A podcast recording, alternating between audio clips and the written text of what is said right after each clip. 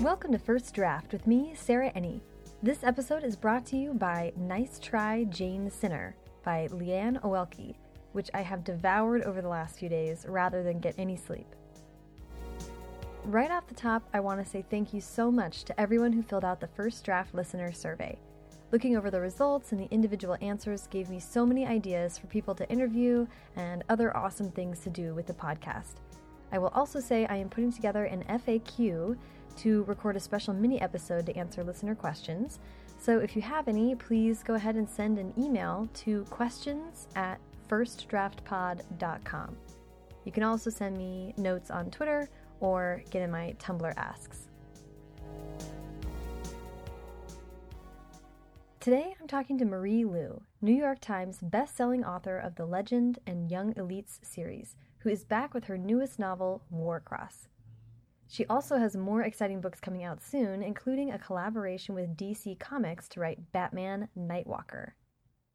I first met Marie in the summer of 2014 on my first round of podcast interviews.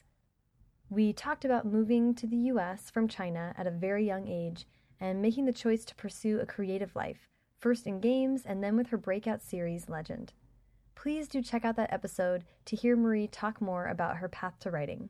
Then, this summer, Marie and I were able to pull up patio chairs poolside and catch up on all the changes in her life since then, ending a huge series, then completing a fantasy series that nearly drove her to quit, and now returning to her sci fi roots with Warcross.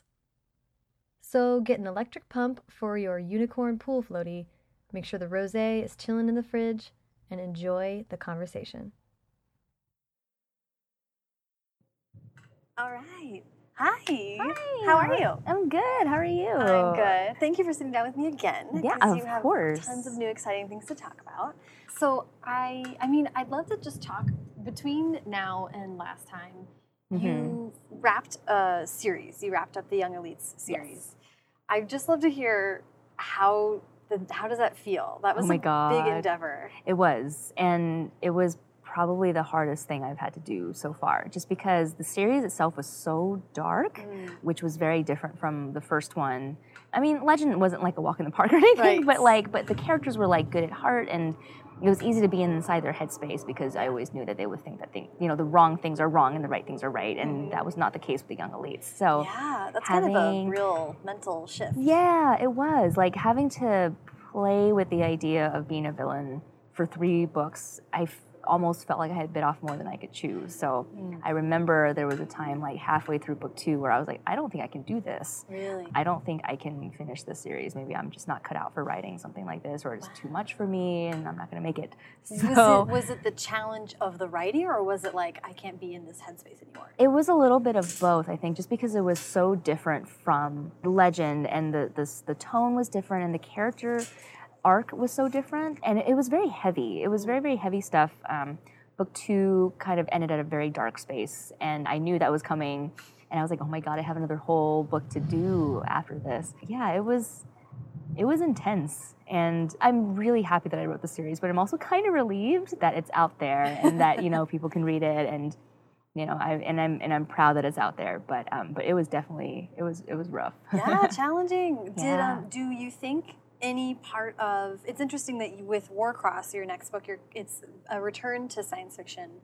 Yeah. Do you think part of it was a, ch- was a challenge of writing fantasy, or was or was writing fantasy part of what made Young Elites really difficult? oh yes it seems like you were kind of Yes. like, wait, let's go back to this thing. yeah, and and it's so funny that you say that because I was writing Warcross as kind of like my uh, my feel good book, like halfway through trying to finish the Young Elites because I it was my candy at the end of the day. Right. Like, okay, I'm gonna get through this like really dark, heavy stuff, and fantasy is just heavier in general. I think there's just so much to put into it, and the world building is so different and intense in a way that's like science fiction has its own heavy world building, but it's very different. Like the structure of it feels different to me. It and does. yeah, and like fantasies are very sprawling. And I had so many points of view, and so it was hard juggling all of that, and, and it hurt my head. So at the end of the day, I was always like, now I get to write my fun book, like my sparkly secret project book on the side. And it was a book that I always wanted to write. Like I used to work in gaming and I knew I always wanted to write like a book about video games. And I love that you play Zelda and that you love Zelda. I know. Don't worry. I have a couple more questions about video games. but do you want to, before we get too much farther into it, do you want to Yeah. give the uh, spiel for Warcross? Yes. So, um, so Warcross is very near future science fiction. It's set maybe 10 years from our current time. So it might as well be like modern day. And it follows this girl named Emika Chen, who's 18 years old and is a bounty hunter living in New York City. And she is kind of struggling to get by. Bounty hunting for her means that she is paid by the police to catch petty criminals or people who have been gambling illegally on this game called Warcross. And Warcross is a game that's kind of taken the world by storm. Like everybody plays this game and everyone's addicted to it. Um, and the creator of the game is this 21 year old young super genius billionaire named Hideo Tanaka, um, who lives in Tokyo. And Emika has always idolized and looked up to this guy. He's three years her senior, um, but invented this thing when he was 13 years old. So she very much is um, enamored with everything that he's done. Um, but she's, you know, down on her luck. Bounty hunting is not a stable income Right. um, is not like exactly the, the best job to have. And she has a criminal record, which prevents her from getting like an actual job that she can do well. So she, when the book opens, she's got like $13 in her account and she's got a pile of debt and she's getting desperate. She's going to get kicked out of her apartment. So she basically decides, I'm going to hack into Warcross to make some fast money. Doesn't go according to plan. and what ends up happening instead is that she glitches herself into the opening ceremony of the Warcross national like world championships. So the next day there's like reporters knocking down her door and Hideo himself calls her and is like, "Hey, I need you for a job." So she goes from this kid with nothing to being flown across the, the world to Tokyo by private jet. And from there, her life just goes totally off the rails. And so it was really fun to write. It was, um, I think it was probably my favorite book to write up until now. Just- Really? That's awesome. yeah, yeah, just because there was like so much of myself in it. So it made it really fun. It's also it, when I talked to Tahereh after Mhm. uh, going from the Shatter Me series to Furthermore, she Mhm. was so conscious of the color. She was like, I was in the Shatter Me world for years, and it was so dark and so sad and so intense. She was like purposefully made Furthermore, which is Mm-hmm. Explicitly plot wise about color, right? Mhm. And Warcross is like, boom, it's like a rainbow. You know, it's right there on the cover. Yeah, it's like literal rainbow. like I, I think I may have, I and I totally understand what Todd is saying because I had the same experience with Legend, which was you know I feel like all dystopians are very gray. Very grim. right? yeah, like Very- gray is a common color in Yeah. dystopians. Um, everything's like bombed out, and the Young Elites what had color, but it, w- I mean it's a very dark series, so basically everything was dark in my head. So I was just basically like, I am gonna vomit color onto this book. like, Yes. like Emika's hair is is literally rainbow colored. I love it. That's really. I, I was. I was like, oh, this. I, am seeing a parallel here. Re- a dystopian recovery. yes, totally. um, I love that it was. It was near sci-fi, which is kind of cool. Lets you play with kind of what you want to and keep familiar things as needed. And then the video game element. And we were just um, you and I, as some other writers, the other night, were talking about video games that we love yeah. and and open worlds and stuff like that. So, which Mm-hmm. what kind of games were the inspiration for Warcross? Um, Warcross itself, when I was writing it, I wasn't inspired by a specific game so much as I was inspired by like working with games. So there's a lot of little hidden anecdotes of like my time in the game industry and like working with fellow interns and the shenanigans we would get up to. Um, a lot of Emika's, the people that she meets who play Warcross remind me a lot of the young people that I was working with when I first started interning um, at Disney and, and all of these things. So, so that was really fun.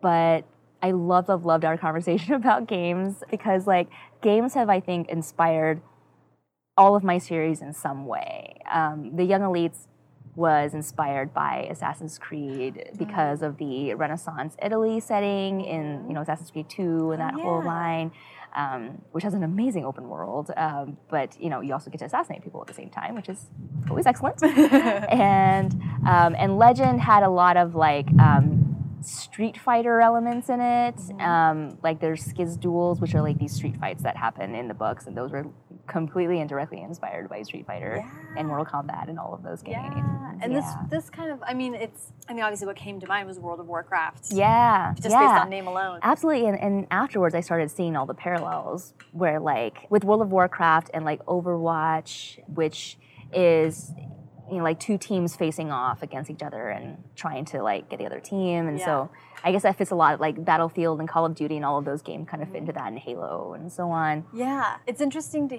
hear you to hear that this is inspired more as a creator than necessarily even just a player. hmm Because to me, it's it struck me as also this like the the bounty hunter element and her glitching herself into the game and working for the catch people in real life who are illegally manipulating the Yes, game. mhm. I just love that it seems like this book is really playing with where the virtual affects the real world and how you. little difference there is now between Yeah, and that was one thing that I really liked about writing like near future Mm. is that you get to explore those questions and like Yeah. what's happening today and like all the technology that that you have Yeah. today and how it might work 10 years from now. So we have virtual reality today, Yeah. like and it's very rudimentary. You know, it's like bricks strapped to your face, but like. Yeah.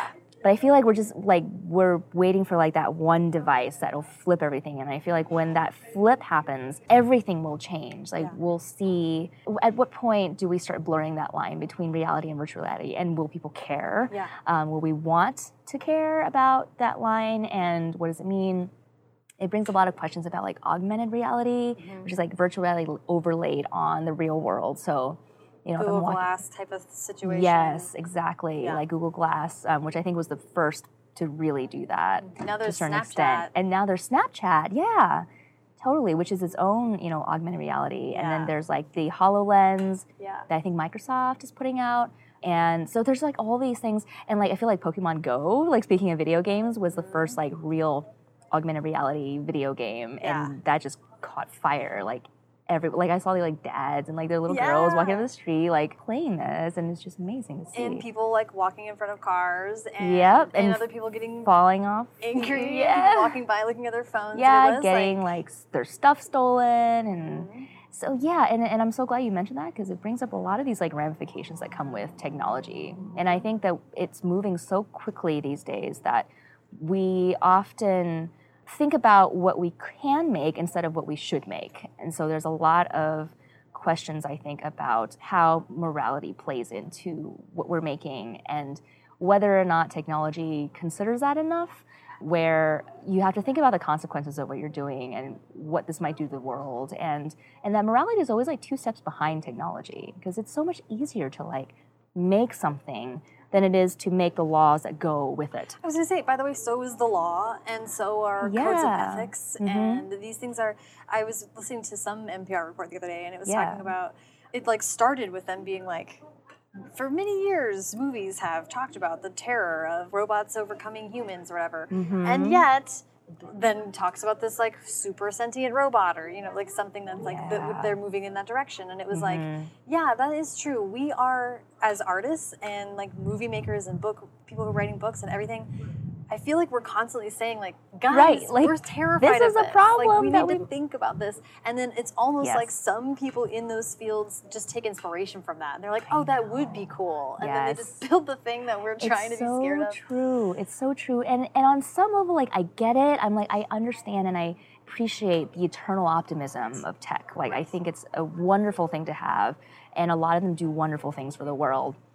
But I think optimism needs to be paired, you know, with a certain sense of awareness, like you said, of like trying to understand the ramifications of what we're doing. Like artificial intelligence is a frightening thing, I think, and I and I feel like maybe not more people are not as afraid of it as they should be Yes. because what's to stop when you get to that point and it tips over like there's just nothing to do to stop something like that Yes. Once, know? once Pandora's box is open. yes It like how do you how do you turn that off i don't know Yeah, I don't. I've been thinking about that a lot lately. It's like what, what's Google's thing is uh, don't be evil, and I'm like, that's not the same as being good. yeah exactly and i mean i know google's had that but really and like you guys are still a corporation and Yeah. you're not doing anything for charity it's i mean you, i'm sure you have charities that you do things for but like you the fundamental goal is still to make money Mm-hmm. which is fine good.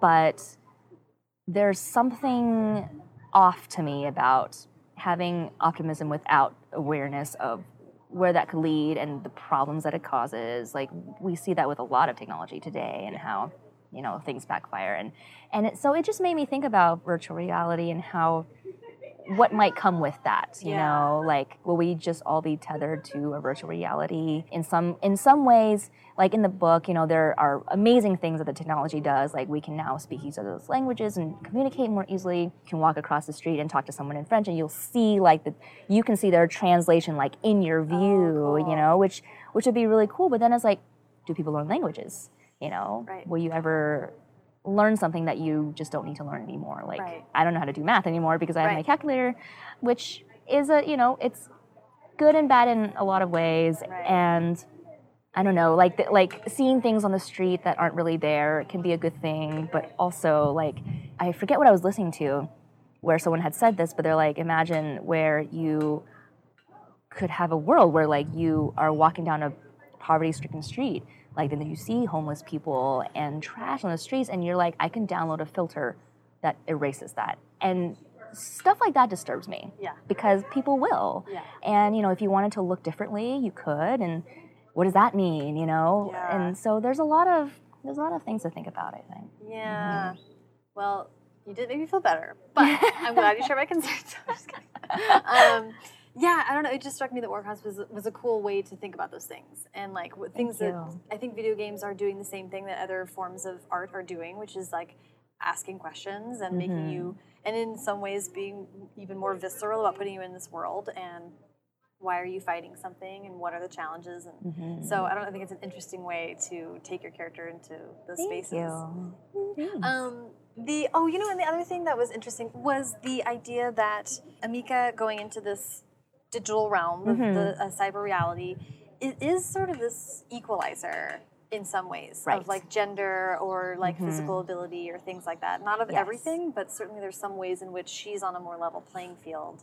Absolutely. Yeah, and that's and I think that's one of the more positive things that I could see with virtual reality Yeah. and um, that people from all parts of the world with you know people who may not be able to compete in like certain sports can be earned hot marks in Yeah. Warcross because it doesn't matter. It matters, you know, how good you are at this game.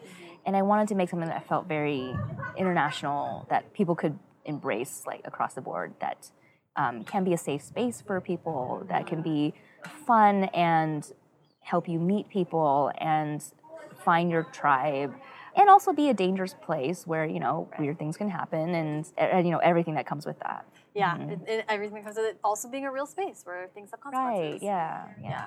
Um, did and it was it always conceived of as two books? yes it was always conceived as two partly because i'm like since we were talking about trilogies earlier on i was like i really want to try a series that's not three books and yeah like Let's shrink slowly it. yeah like trying to work my way down to a standalone um, and we'll see how it goes Yeah. so i'm on book two and it's just as hard as it was when i was writing trilogy but at least i'm like well there's only the one Right. book left At the end you of know this one, it'll be yeah time to move on. yeah yeah exactly I am dying to ask you about the other stuff that you're working on too, which Ah. includes a Batman book, which is pretty amazing. thank you Um, I would love to hear how that came about, how that Yeah. opportunity came about. Yeah, sure. I got an email one day from my uh, those agent. good emails? Yes, and my agent's like, "I have some very exciting news for you." So she told me that DC and Random House were partnering to do a series of YA novels based on four of their big superheroes. And I was so excited at that point that I basically just didn't read the attachment that she gave me, which detailed like which superheroes were actually involved. You're like, I'm in, so I was okay. like, ah, I'm on, I'm on board. And they're like, she's like, no, no, no, read read the rest, pick one from the list. And I'm like, oh.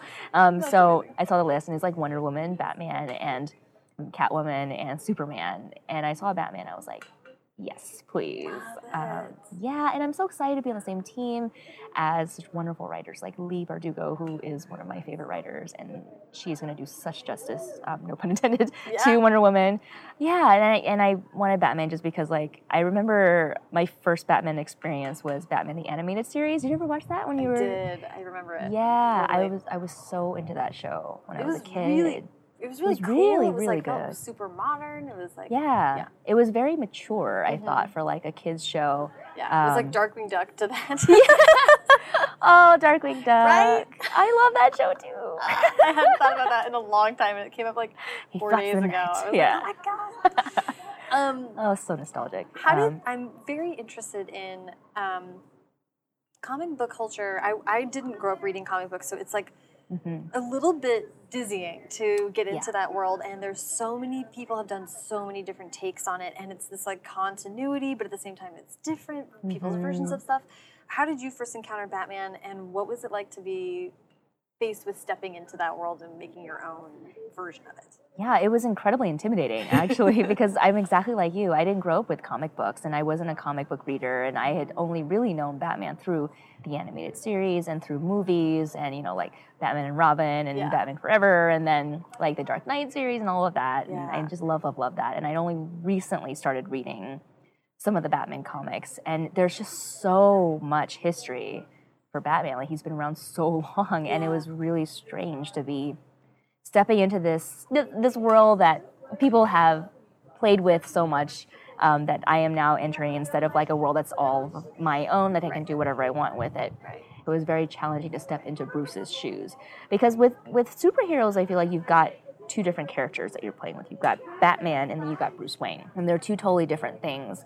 Um, and I felt like I kind of understood Batman based on what I've seen of him, but I didn't really understand Bruce Wayne as a character. So so stepping into that was was strange and and I remember one night I just sat down with my husband Primo and he was like, "All right, we're gonna do all the Batman research." So we just like marathon all of this stuff and just and I would ask him all these questions about Batman and he- we had he he knows it? a little bit more about it. Like he's read more of the comics than I have Okay. and and we went out and bought you know some of the more famous issues and graphic novels and kind of delved into it to try to get a better sense of Bruce and not just Bruce but like teen Bruce. There hasn't been anything about Teen Bruce. It's kind of like this black hole um, where you know what happened to Bruce as an eight-year-old, and then we skip to like him in his mid twenties, maybe. It's like Jesus. Yeah, it's totally like Jesus. like there's What about was 30 Jesus years like where we teen? don't know I know. Did he get bullied? Like, what was it like? He's Were there mean girls?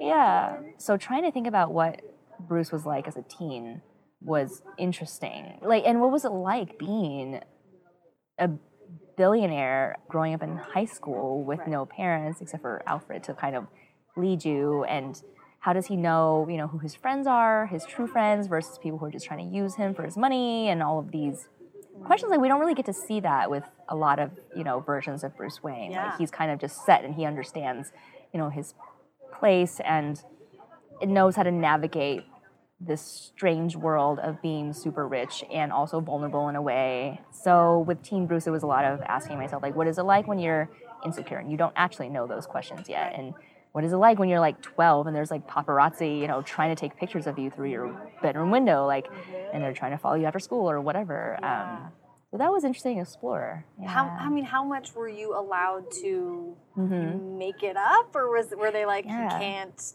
run away and join the circus like did they give you any boundaries they were surprisingly open with a lot of it. I think my only real direction at first was just it needs to be about teenage Bruce Wayne. Go. wow Which is really intimidating because I'm like, I don't know where to start with that. Yeah, and there's so many directions. so so I was able to play around a lot with it. I ended up giving them an outline of what I thought it could be about and added in some of the things that I really found interesting and fascinating about the Batman world Yeah. and like Arkham Asylum and all of that and playing with like the gray areas, which I think is the most fascinating part of Batman and the whole Bat family. Um, like walking that line of, of good and evil and the types of criminals that he deals with. Um, and that was a part that was really fun for me to do too, was like create a new villain for Batman. yeah um, you mean to all deal new with. one? His first- Oh, yeah, I did, yeah. I was like I do know Yeah. that um, yeah that's that's so interesting and when I, when reading the description of the book uh, which I wrote down in brief here actually do you want to give the description of the book and then we can talk about it yeah, and this is, this is exciting. I think this is the first time I've ever given the description of Batman, so I'm going to try my best. Okay. Bruce is 18 years old in this book, and it's right when his trust funds have opened. So he is a newly minted billionaire, and so he's all of the papers and um, doesn't really know how to deal with like the attention that comes with it. Like he's he's trying to learn how to grow up in this strange place where he's by himself and very wealthy and suddenly you know the heir to his parents fortune and also you know the, the burden falls on him too to honor their heritage and their history and all the things that they've been doing. He gets himself in trouble. It's his 18th birthday, and he has this this brand new Aston Martin. You got to put in the nice car with. Batman, and he gets himself into a, a little trouble with the police. The police are after this new group of criminals called the Nightwalkers. They've been targeting wealthy philanthropists and other wealthy members in Gotham City. So the police are after them.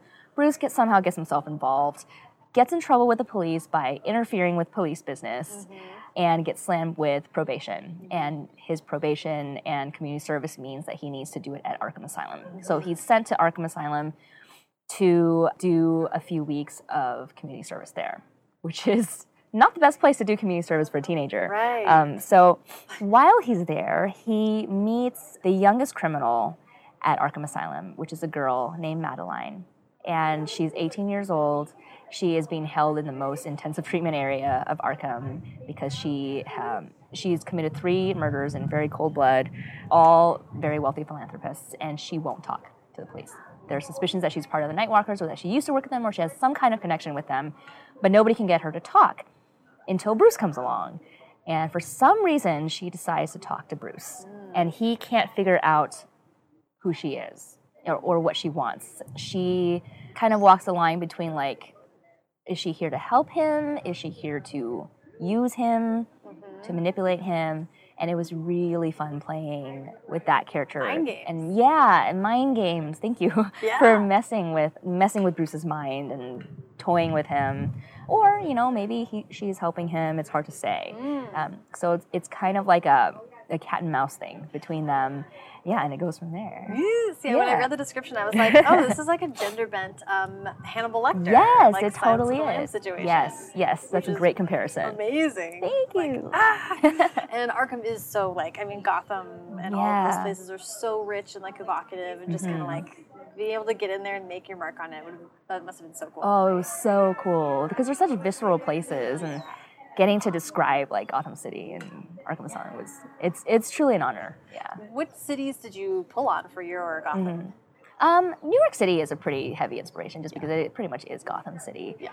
And like parts of LA too, since like we live in LA and it's there are parts of it that are Like I want to see a little, gothic, little LA you know? versions, some like LA hoods getting tossed in there, or like I know you spent time in Tokyo recently too. So Yes, I did. I feel yeah. like that's a, like a, compa- a comparable thing for like the frenzy Mm-hmm. of kind of the city. Yeah, absolutely. And like the grit and the, the chaos of a city like Gotham City. And just the idea that like Bruce is, you know, he lives in Gotham City, which is this place that's seedy and dirty and full of crime, but he loves it. Like he wants to protect it. And I feel like that's a great um, metaphor, I guess, for the way that things are going in this day and age. Like that, Yeah. you know, when things are broken, like you you find a way to like to to solve it. And there's like all these things messed up and wrong with the city, but you know he's he's the crusader and he's gonna save this place and he's gonna stick around.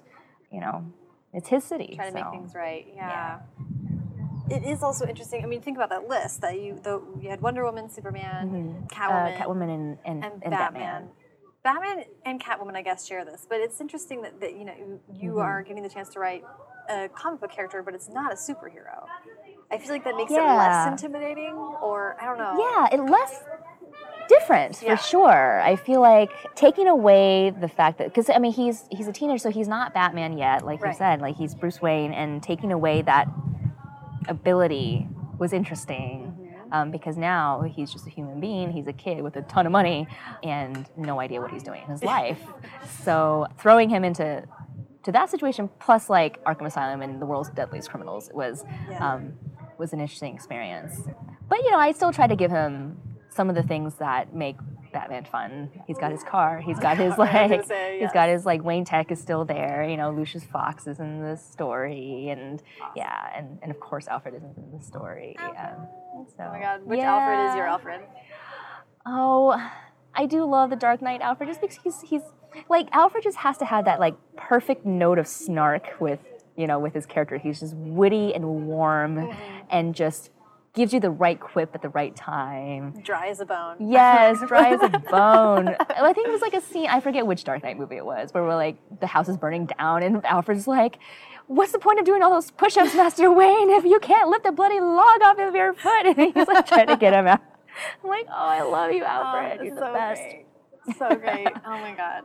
But also I have to say, I was so crazy excited. I actually had not realized that you'd already announced this Kingdom of Back. And that Oh, we did talk about two years ago. Yeah. Oh my had- God, we you did. mentioned it a little bit and just that it was the story that you still loved and whatever. And I remember being like, uh, it sounds freaking awesome. Oh, um, so I had missed that announcement. So congrats. Oh my. God, thank you. And- I'm so excited. Dude, do you want to do you want to give the, the Yeah, little sure. info about that? Yeah, absolutely. And it's so strange to say it again because I feel like this story's been in my head for so long. Yeah. Um, but the Kingdom of Back is based on a bit of historical fact about Mozart. Uh, Wolfgang Amadeus Mozart had a sister who was five years older than him, named Maria Anna Mozart, or her baby name was Nannerl. She and Wolferl were very close, and she was also a musical prodigy. And nobody knows about her because she's very rarely talked about. Like in the movie Amadeus, never mentioned. Most biographies about Mozart, she's basically like a footnote or like a chapter. But she was a huge presence in his life, um, and she was her own person. Like she was incredibly talented. Um, her father had taught her first before because she was the older one, and she composed. There's evidence that she's she and Mozart, Wolfgang would exchange letters all the time, um, where he was like, "Send me your latest composition." So you know she was a composer, but in that time you could not be a composer as a woman. Once she hit 18, she had to step away from the world of performance.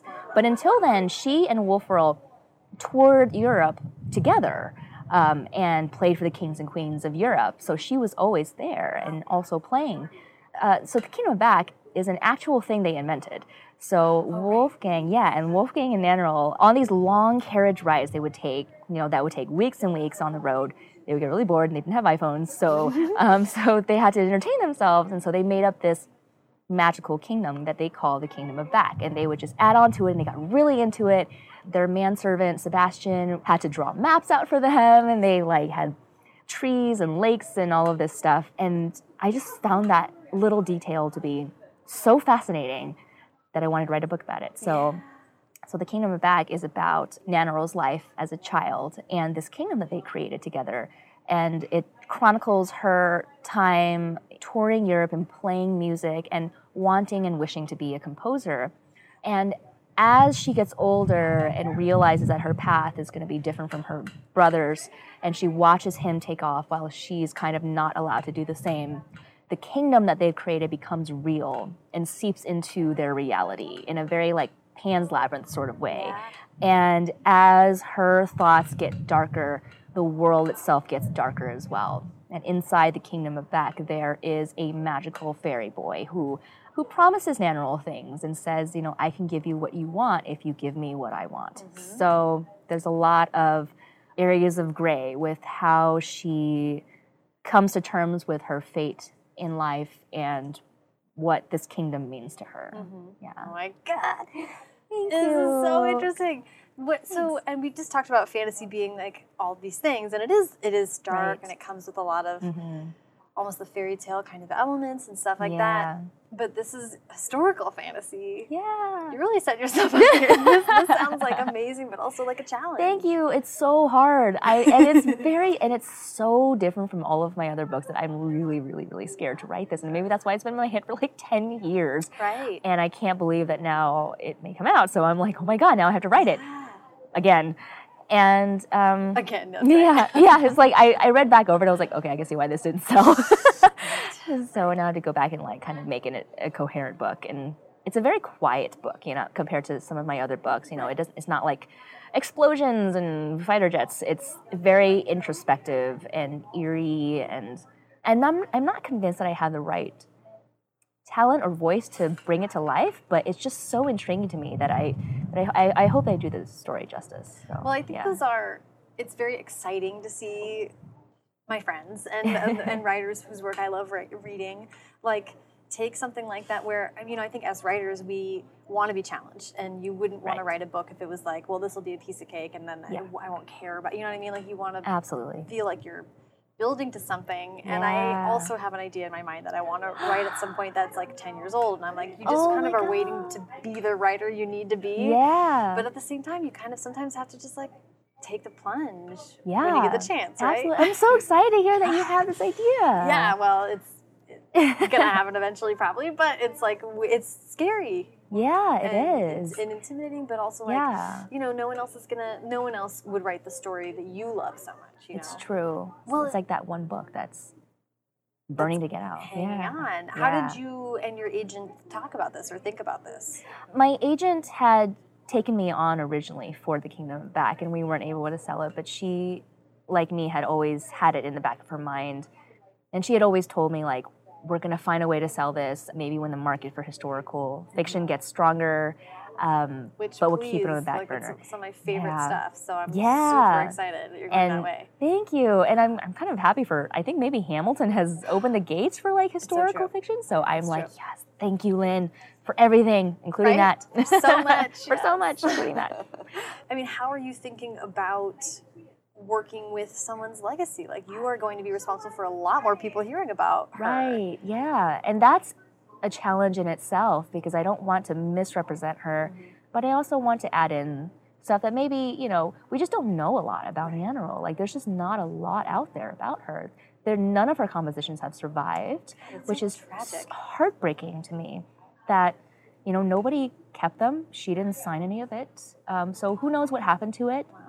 I've heard some rumors that you know maybe some of Wolfgang's earliest writings were a combination of his writing and his sister's writing and his father's writing. You know, I mean, he was clearly a genius and he was absolutely a prodigy. But you know, did he really write an opera in nine days? I don't know. So when he's like way he nine years old, influenced, you know. exactly, and he looked up to Nannerl so much. In every biography I've read, it said that he absolutely worshipped his older sister Yeah. and that he would he would follow her everywhere and he would do what she did. And and the irony of it all is that nobody in her life encouraged her to be a composer except for her brother. Wolfgang was the only one who was always like show me your compositions. I want to hear what you're writing because he clearly was enamored with her talent and she was unable to get that out there. So i feel like there's there's just there's not enough out there about Anna. So I kind of have to piece together my own version of her and what she might have been like. Yeah, So so interesting. Have you gotten a chance to like meet any historians or like I talk to? haven't, but I would love to. Oh Um, I'm hoping people come out of the woodwork to be like, I'm secretly sitting on her letters. It'd oh my amazing. god, that would be the most amazing thing ever. Right? like some, no one's asked for them. I want them. Pick me. yeah. Um, well, that's so thrilling. Thank you. I'm And excited. is that like a carrot? You're like you get to write it after you kind of are. yeah. doing these other yeah. things. it's a challenging carrot that I'm like, okay, when I finish this draft for, for the second book of Warcross, I will be able to touch this one. Um, so I'm Well, very, very excited. Yay! I'm so excited for you. Thank Um, and thank you. you so much for sitting down and chatting. Of course, again. it's always the best time talking with you. You are so sweet. I absolutely love it. and we'll we'll talk soon. yeah, for sure. Keep doing exciting things. I thank you. And you too. All right, thanks, Marie. Thanks.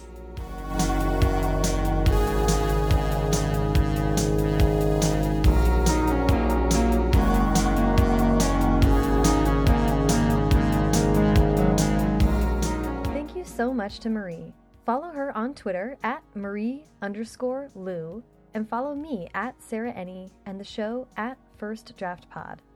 You can follow the show on Instagram and Facebook too, but for links to everything Marie and I talked about in this episode, as well as a searchable archive of previous interviews, and to sign up for the First Draft newsletter, be sure to check out firstdraftpod.com. And again, if you have any burning questions you'd like to hear me and or some author friends address, send them over in an email to questions at firstdraftpod.com. Also, this Saturday, September 23rd at noon, I will be at the Huntington Beach Barnes & Noble with the wonderful Ameriie to talk about Because You Love to Hate Me, the anthology of villainous stories that Ameriie contributed to and edited, and for which I wrote a witchy short story. That's Saturday, September 23rd at noon. Be there or be merely a figment of my imagination. If you like what you heard, please leave a rating or review on iTunes. Every five star review further blurs the line between my existence on the digital and physical planes. Thanks to Hash Brown for the theme song, and to Colin Keith and Maureen Gu for the logos. Thanks to super intern Carter Elwood and transcriptionist at large Julie Anderson. And as ever, thanks to you, near future rainbow coiffed rebels, for listening.